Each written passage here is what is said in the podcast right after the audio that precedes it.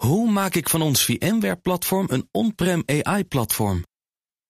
Lenklen, NVIDIA AI Enterprise Partner. Lenklen, betrokken expertise, gedreven innovaties.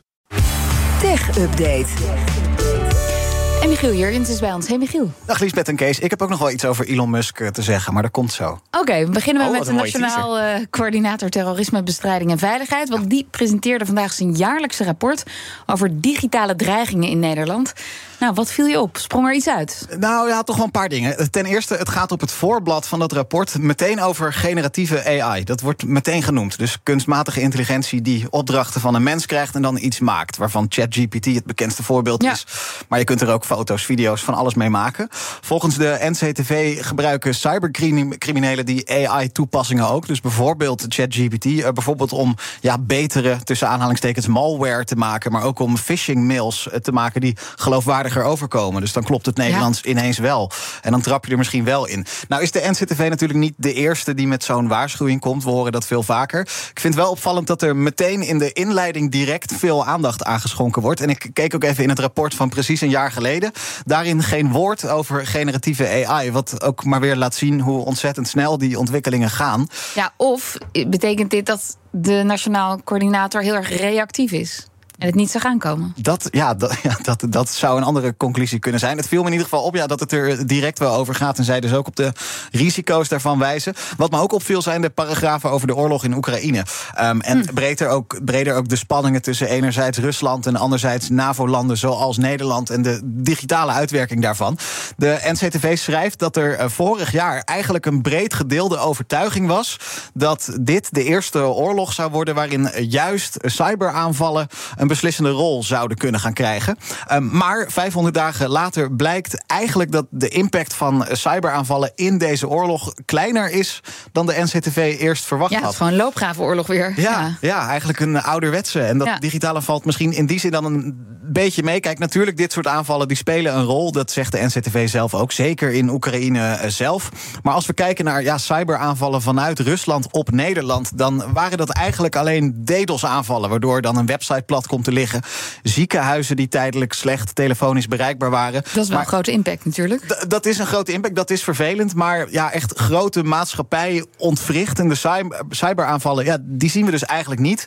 Het is in de toekomst nooit uitgesloten, Nee. natuurlijk niet. En dus is de conclusie van de NCTV ook... en misschien is dat een beetje een open deur... eh, burgers, maar zeker ook organisaties... moeten wel waakzaam blijven. Het gevaar is er natuurlijk. Eh, maar ik vond er toch een paar opvallende puntjes in dat rapport vandaag. En dan, alternatieven voor Twitter zijn opnieuw populair. Ja, dat komt vast door die chaos van eh, afgelopen weekend. Ja, ja, dat is echt een eh, simpele 1 plus 1 is 2. Het was een eh, zwaar weekend voor mensen die veel tijd op Twitter doorbrengen.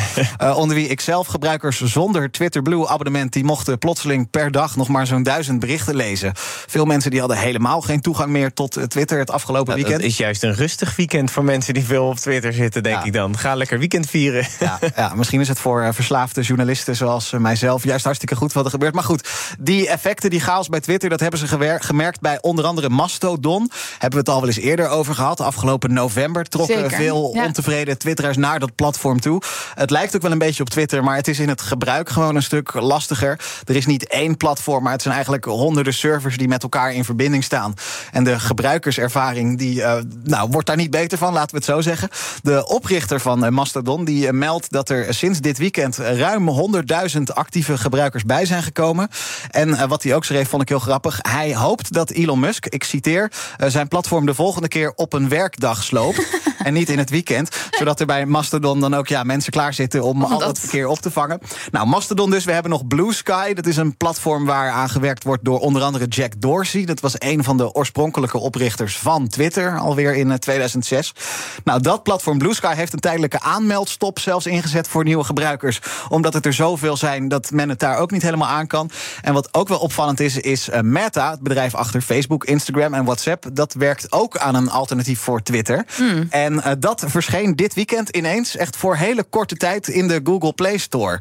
Dus mensen konden dat downloaden. Threads, zo gaat het dan heten. Threads? Ja, ja Threads. Dus eh, eh, draadjes in Ah, het ja. Engels. Ja. Um, dat lijkt wel een foutje geweest, want die app die was ook al heel snel weer weg.